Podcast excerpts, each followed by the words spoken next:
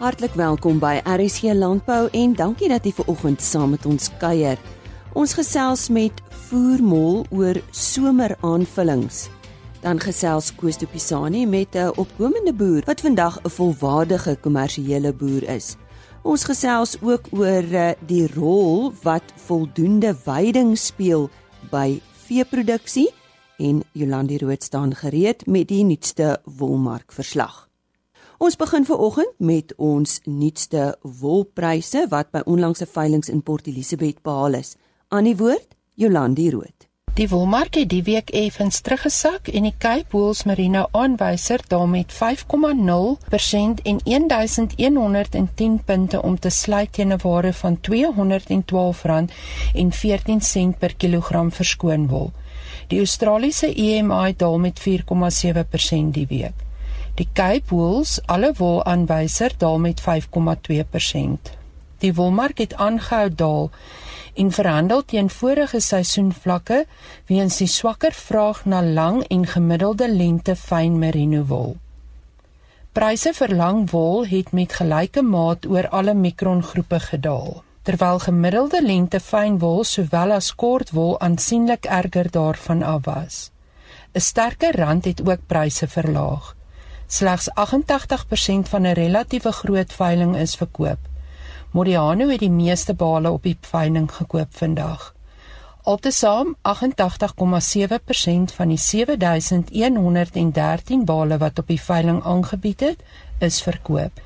Die grootste kopers op die veiling was Modiano met 2263 bale, Standard Wool SA met 1559 bale Tianyu SA met 1008 bale en Lempriere SA met 870 bale. Die gemiddelde skoonwolpryse vir die seleksie binne die verskillende mikron kategorieë goeie langkamwol tipes was soos volg: 18 mikron daal met 6,4% en sluit teen R241 en 0 sent per kilogram. 18,5 mikron neem af met 4,9% en sluit teen R239 en 55 sent per kilogram. 19 mikron verlaag met 5,3% en sluit teen R229 en 37 sent per kilogram. 19,5 mikron verswak met 5,3% en sluit teen R228 en 50 sent per kilogram. 20 mikron is 4,6% af en sluit op R222,97 per kilogram. 20,5 mikron is 5,2% swakker en sluit op R218,22 per kilogram.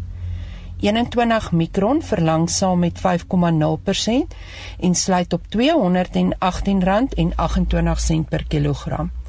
21,5 mikron het 5,0% afgeneem en sluit op R209,49 per kilogram. 22 mikron daal 4,5% en sluit op R207,73 per kilogram. En 22,5 mikron is onveranderd en sluit op R216,85 per kilogram. Die volgende veiling vind plaas op 31 Oktober wanneer plus minus 11662 bale aangebied sal word. Die stem daarvan Jolandi Rood met die nuutste wolmark verslag. Daar word gereeld in die bedryf gehoor dat beesboere eerstens met gras boer. Dis egter meer ingewikkeld as wat dit klink en uh, doeltreffende bestuur en beplanning is werklik belangrik. Nou 'n kenner op die gebied Fritz van Oudtshoorn gesels nou met ons hieroor en u sal onthou dat ons ook al in die verlede met hom gesels het. Nou Fritz, watter rol speel voldoende veiding in veeproduksie? Ja, môre uh, hallo Lise en hallo aan ons luisteraars. Ek sou sê voldoende veiding is krities uh op op 'n veeplaas en en natuurlik 'n uh, wildsplaas. Want uh, hoe meer veiding jy het, hoe meer diere kan jy aanhou en hoe meer diere jy kan aanhou, hoe meer reproduksie kalvers gaan jy hê en dit is tog ons uh ons produk. So hoe meer veiding, hoe hoër gaan ons omset wees, hoe hoër gaan ons potensiële wins definitief wees. En uh, ek sou ook sê jy weet Ek het al gesien op plase is dit baie belangrik om 'n goeie balans tussen jou fokus op die dier en op die veiding te hê. En ek het wel ook al boere gesien wie se fokus en se passie te veel op die dier is en dan gaan die veiding agteruit. En dit is dit is ook nie volhoubaar nie. Wat is van die algemene veidingsgrasse wat in Suid-Afrika voorkom? Wel, ek sê ons is in Suid-Afrika regtig gesteend met met 'n lang lys goeie weidingsgrasse en as jy kyk in oral in die wêreld word ons weidingsgrasse as aangeplante weiding ook gebruik, jy weet. So, maar as ek so vinnig kan dink, jy weet rooi gras uh 'n goeie voorbeeld, wit buffelsgras of panica maximum, blou buffelsgras en chrysaliaris. Vingergras of smitsvinger uh is een van hulle fynsaadgras, roodsgras, borseltjiegras swart voetjie gras. Uh, Daar's eintlik 'n uh, weet 'n lang lys van goeie weidingsgrasse wat ons het. En watter grasse is eerder geskik vir beeste en watter vir skape? As ons kyk na beeste, weet beeste word gesien as rifoervreters of kom ons sê lae selektiewe voeders. En skape is bekend dat hulle selektiewe voeders is So dit beteken eintlik maar beeste, jy weet, is in staat om langer langer gras te eet. Jy weet hulle het die hulle die tools daarvoor. Terwyl skape, jy weet, is nie regtig geskik om lang gras te eet nie.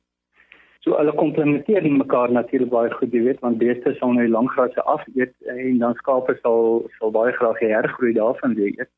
As ons kyk na spesifieke grasse, kom ons sê witbuffelgras of brilbuffelgras is lang grasse. So beeste sal in staat wees om om daardie grasse te kan eet terwyl 'n skaap dit nie sal kan doen nie. Terwyl korter grasse, kom ons sê kweekgras, miskien wat 'n baie smaaklike weidingsgras ook is en rooi gras vir skaape sal waarskynlik meer vir vir daardie korter tipe grasse gaan. Kom ons gesels 'n bietjie oor die verskille tussen aangeplante en natuurlike weiding. Aangeplante weiding is eintlik maar kom ons sê goeie goeie smaaklike veldgrasse wat oor tyd verbeter is en geselekteer is en vandag uh beskikbaar is as aangeplante weiding. Aangeplante weiding sou ek sê speel 'n belangrike rol veral in vandag se dae wanneer waar plase al hoe kleiner raak en ons met al hoe meer van kleiner stukke grond afproduseer en meer intensief boer Eh, dit is waar aangeplante weiding inkom en aangeplante weiding kan 'n mens ook baie beter as veldgrasse gebruik om jou voervloeibeplanning reg te kry vir al die die tyd van die jaar in ons somerreënvalgebiede eh, gebiede is 'n kritiese tyd. Uh want in die veld is daar nie eintlik uh smaaklike weiding oor nie. So ons kan hierdie aangeplante weiding gebruik om hooi te maak of kuilvoer te maak en dit in hierdie tyd dan uh vir ons diere voer of ons kan selfs 'n winter weidingsgewas, uh, gras of 'n teelgewas plant onder besproeiing en ons diere dan laat wei daarop hierdie tyd van die jaar.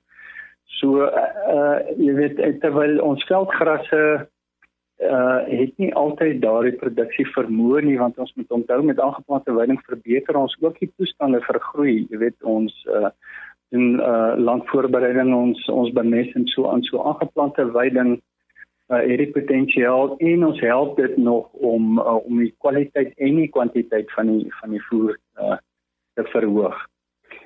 So ja, om om om jou vraag kortliks te antwoord, agterwater winning is eintlik maar veldgoeie uh, veldgrasse wat verbeter is oor tyd, dan plant ons hulle in verbeterde toestande, dan vir ons 'n beter kwaliteit en kwantiteit weiding gee. Nou Fritz moet aangeplante weiding bemes word. Ja, ek sou sê definitief aangeplante weiding moet bemesmel word. Ons moet onthou aangeplante weiding uh, is 'n belegging op die plaas en om die beste uit hierdie belegging uit te kry, moet ons dit bemes en hierdie bemesting beteken om voor voordat die weiding gevestig word, eers seker te maak ons grond is reg, die pH is reg, die uh, fosfaatstatus is reg en uh en dan na vestiging moet ons seker maak uh dat hierdie hierdie aangeplante weiding goed groei en sterk groei en vir ons die produksie gee wat ons soek en dit is veral waar stikstof uh topbemesting inkom so ons moet dan gereeld uh, stikstof op gee om seker te maak dat hierdie belegging van ons uh kry ons regtig waarde uit. Nou ja, ons gesels vanoggend met 'n kenner op die gebied van veiding, Fritz van Oudtshoorn. Fritz, wat is draagkrag en watter veidingsgrasse presteer die beste in hierdie afdeling? Uh draagkrag is beteken maar eintlik hoeveel diere hierdie plaas volhoubaar kan uh kan onderhou. En draagkrag word bepaal deur verskillende uh faktore, maar eerstens sou ek sê die die natuurlike veiding is die belangrikste komponent as dit op die plaas kom want dit is ook ons goedkoopste veiding. So ons wil die meeste uit die natuurlike veiding uitkry maar dan uh kan oesreste byvoorbeeld ook 'n bydrae maak tot die algehele draagkrag van die veld en natuurlik dan afgeplante weiding kan ook 'n groot bydrae tot tot uh tot die draagkrag maak maar as ons kyk na veld spesifiek uh is, is word die draagkrag eintlik maar bepaal deur die goeie grasse wat op die plaas voorkom. En daar bedoel ek hoeveel individuele goeie graspolle is daar op die plaas. En die rede hiervoor is is maar eintlik dat die goeie smaaklike weidingsgrasse is die grasse wat die diere wil eet. En hulle wil hierdie grasse eet want hulle kry die voedingsstowwe uit hierdie grasse uit dis juist hoekom hierdie gras smaaklik is want hy het die voedingsstowwe in hom en dan gewoonlik ons goeie weidingsgrasse is ook die die grasse wat die wat die beste produseer So as dit by vel kom, die draagkrag word maar hoofsaaklik bepaal deur deur die hoeveelheid goeie weidingsgrasse wat daar op die plaas is.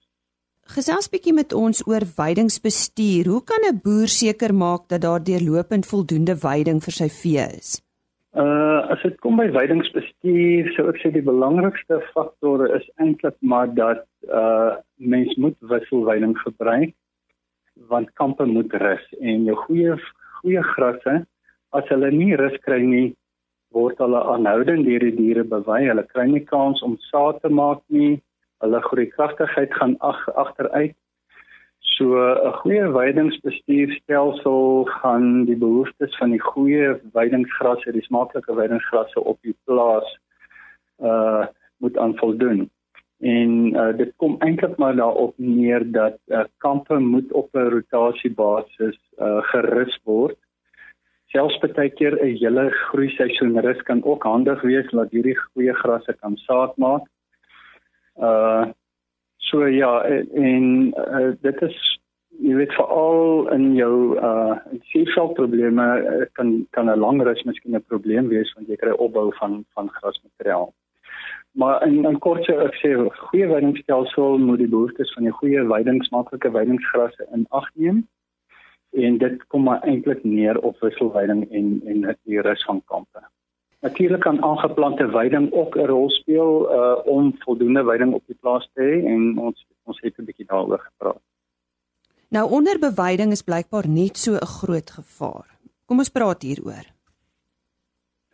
Onderbeweiding is veral op in in ons suurveldgedeelte waar die reënval hoër is, uh, 'n uh, probleem want daar's 'n vinnige opbou van grasmateriaal en jy begin ou grasmateriaal in die veld kry as gevolg hiervan. In ons soetvelddele waar uh, met 'n lae reënval waar die grasse min of meer almal redelik smaaklik is, is dit minder van 'n probleem. Want in die suurveld is daar 'n redelike groot verskil tussen smaaklik en onsmaaklik. En as diere dan nie uh genoeg gewissel word nie dan word net die smaaklike grasse uitgeëet en onsmaaklike grasse bou op en dan sit ons met 'n probleem. Dis eintlik maar die rede hoekom hoë druk beweiding deesdae so gewild raak veral in suurveldgedele uh gedeeltes want uh, met hoë druk beweiding forceer ons eintlik die diere om smaaklik en onsmaaklik te eet En die trap effek wat met hoë drukbeweiding bykom, trap dan hierdie ou grasmateriaal teen die grond en dan word hierdie materiaal vinniger hersirkuleer in die stelsel. En dan net om jy af te sluit, hoe kan boere voorkom dat onkruid weidings totaal en al oorneem? Ja, onkruid onkruid is 'n groot probleem wat hulle kompeteer nou met die weiding so uh en dit is veral maar by aangeplante weiding 'n probleem. So wat 'n mens maar seker moet maak is dat onkruid word goed beheer voor die vestiging van weiding. Dit kan nou maar meganies met ploeg gedoen word of chemies met onkruiddoders gedoen word. En uh kweekgras kan dalk uh veral in sandgronde is kweekgras 'n groot groot probleem as dit by onkruid kom. en kweekgras moet verkieslik uh, voor die tyd heeltemal uitgewis word anders uh, want dis ook 'n gras en jy kan hom nie chemies beheer nadat die weiding uh, reeds gevestig is nie. Uh na die weiding gevestig is, uh moet 'n mens ook aanhou om onkruide te beheer. En dit sluit in jou breedblaar onkruide wat redelik maklik chemies beheer kan word. Maar meerjarige houtagtige spesies uh, uh kan ook begin inkom. En uh, dit kan mense ook chemies beheer uh of of selfs meganies uh jy weet individuele polle of bome begin uithaal en en so aan.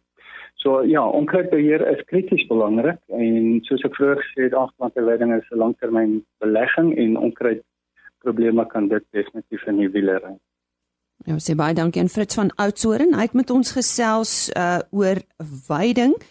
Wat is uh, belangrik om ook van kennis te neem as ons uh, natuurlik dit aanplant vir ons vee.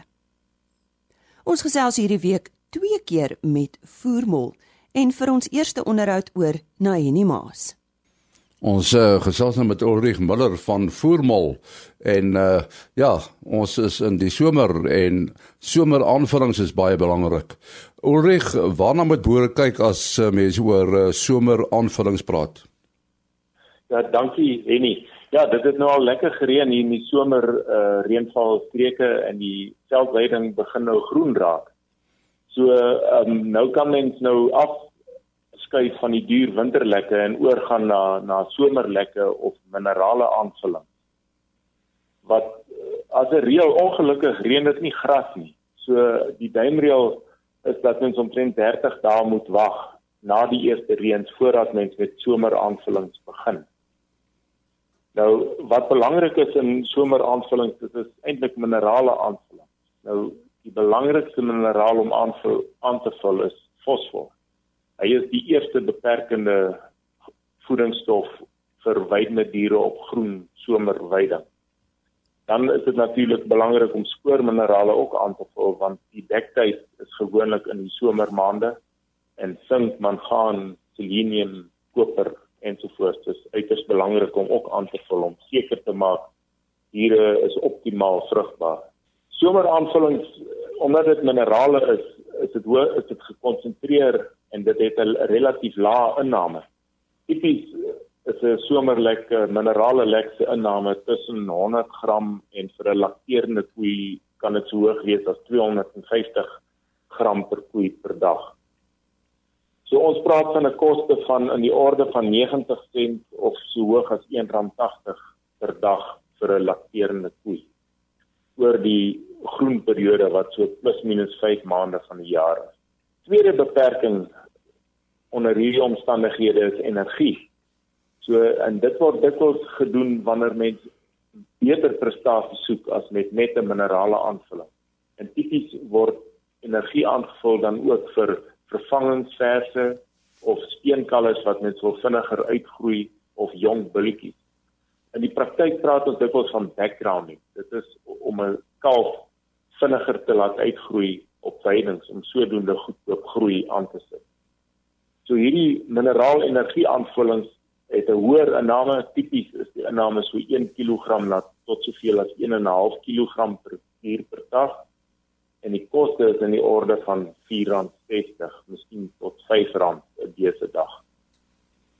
En tipies sal so 'n dier omtrent 1 kg per dag groei op goeie kwaliteit groenweiding. Ulrich die eh, die verskillende klimaatstreke ons praat van somerreënvalgebied en dan natuurlik die winterreënvalgebied. Uh ja. mens moet miskien aanpas by dit ook nê. Nee? Ja, man ek ek trap gereeld in daai strik wat mens nou die Weskaap of die winterreënvalstreek um bietjie ignoreer.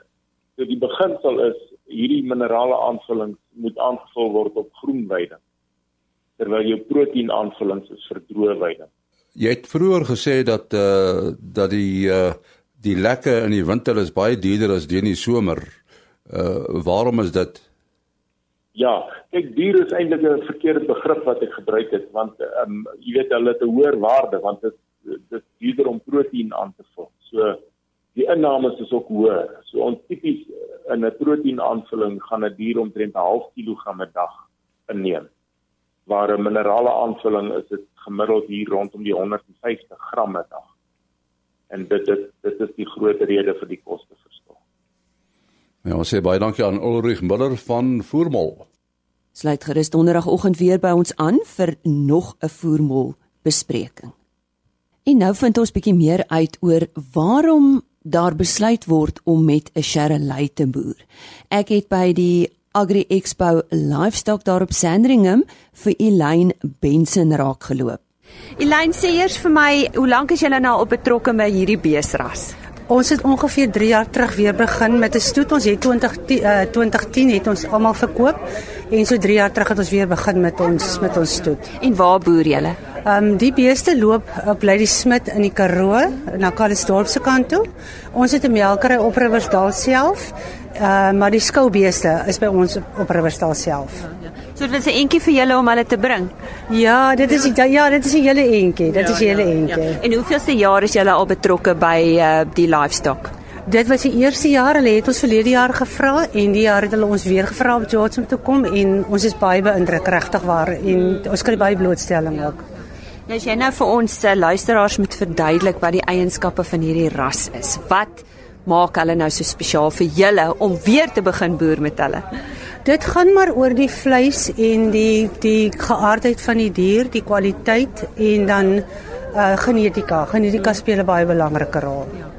En dis 'n uh, dis dis nou as ek mis vir die luisteraars verduidelik, dis nou 'n wit beesras. Hy's heeltemal wit ja. en as jy hom met enige ander ras kry, sê kom ons gestel in 'n goonie, hy gee 'n uh, 'n kreemkalf. Hy hy hy hy teel glad nie 'n bondkalf nie. Okay, so hy's baie domin, dominant sy kleur. Ja. As jy hom op 'n swart Angus dan dan hy ook 'n halfe valkalf. Mm. Ja, so ja. Mm. En en hy's en hy's baie dominerend. Hy staan baie terug na die Shirley toe. Nou, vertel ons van die herkoms van die Shirley. Waar kom hulle oorspronklik vandaan? Dis 'n Franse ras. Hulle is hulle is 1964 en na 66 as hulle uh, ingevoer Suid-Afrika toe. En toe was daar 11 teelers uh, wat wat die genootskap is toegestig. Vroeger jare het hulle baie gesukkel met die kalwing van die beeste want die beeste was baie groot die rame. Maar die genetika het nou al so ontwikkel met die met die bulle wat ingevoer is dat hy maak 'n baie klein kalfie. So ja. In die lyn waarna toe jy op pad, wat wil julle nog bereik dink jy? Dit gaan maar vir ons om die beste genetika ehm um, te hê want ehm um, genetika speel baie baie belangrike rol. As jy goeie genetika het, het jy goeie beeste mm. en jy het kwaliteit beeste. Dis maar waaroor dit gaan. Nou ja, dis Elaine Benson wat met soveel passie oor die Sherreleys gesels het en hulle was een van die uitstallers by vanjaar se Agri Expo Livestock. Etienne van Wyk is 'n jong boer uit die Meridale omgewing in die Noord-Kaap wat 'n klompie jare gelede begin het as 'n opkomende boer. Maar hy het die geleenthede wat na sy kant toe gekom het aangegryp en die beste daarvan gemaak. Vandag is hy 'n volwaardige kommersiële boer met 'n paar honderd skape wat op 'n slim manier sy plaas bestuur. Koos de Pisani het met hom gaan gesels oor sy sukses en die pad wat hy gestap het van opkomende boer tot kommersiële boer. Etienne, jy het op 'n plaas groot geword. Uh, maar wat het jou eintlik laat besluit om werklik te gaan boer? Die rede waaroor ek besluit het ek wil gaan boer, dis omdat my pa was 'n plaaswerker en omdat ek van kleins af het ek saam met my pa begin 'n skape werk, skaap aangejaag en ek het op 'n bekende stoetboer se plaas groot geword met die naam Dries Wiese daar in Lossen distrik. So dit is waar my passie begin het en toe wil ek ek is van kleins af as ek net in die uh, aan die skaap bedryf en dit is hoekom ek besluit het maar ek wil eendag gaan boer. Waarom het jy besluit om met skape te boer? Omdat ek uh omdat ek gesien het omdat my pa verantwoordelik gewees het vir die meeste of as hy daglikse taak was gewees hy moet kyk na hy moet kyk wanneer die wanneer die um, skaap lam en wanneer hulle moet inkom huis toe en hy moet kyk dat dat dat die jakkalse nie die skape se lammers moet vang nie. So dit is toe wat ek toe gebesef het. Maar ek wil ook eendag dieselfde doen as my pa maar ek wil graag net boer.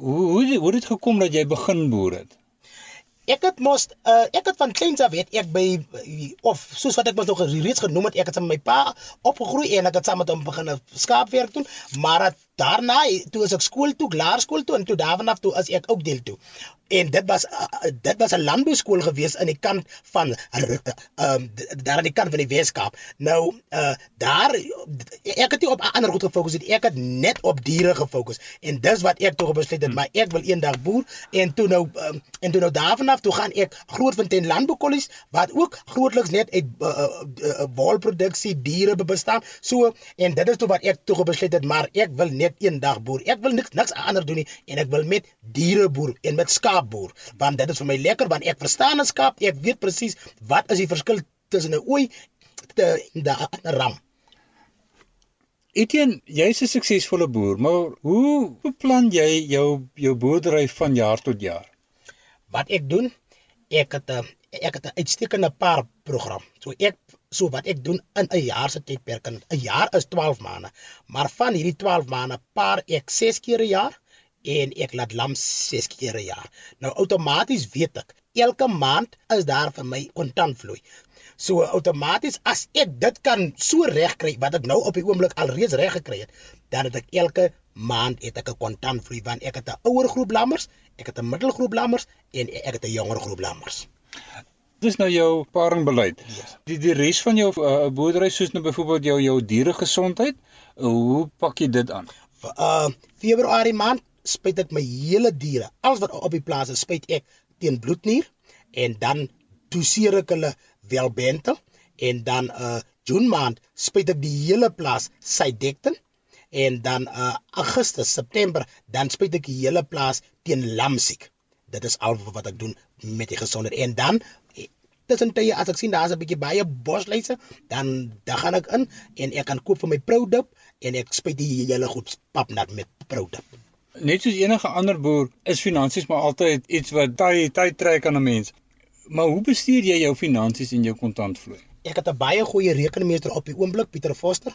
Hy bly in Kimberley in en uh uh uh hy is baie goed met my finansies. Hy werk met my finansies en wat ek doen, uh ek het mos nou elke maand 'n kontantvloei, so daar kom elke maand 'n geldjie in. So ek weet presies die uitgawes van elke maand, dit wat dit dit wat ek bemark, my lammers wat ek bemark, uh, ek kry vir hulle goeie geld, so uh, hulle kan my uitgawes kan hulle dek.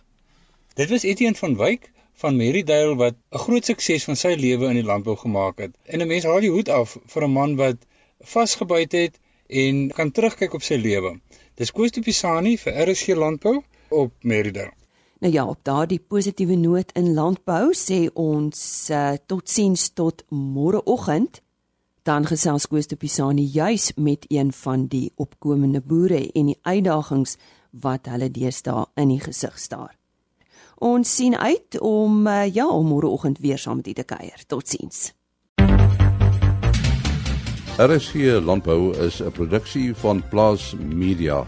Produksieregisseur Henny Maas. Aanbieding Lisa Roberts. En inhoudskoördineerder Jolandi Root.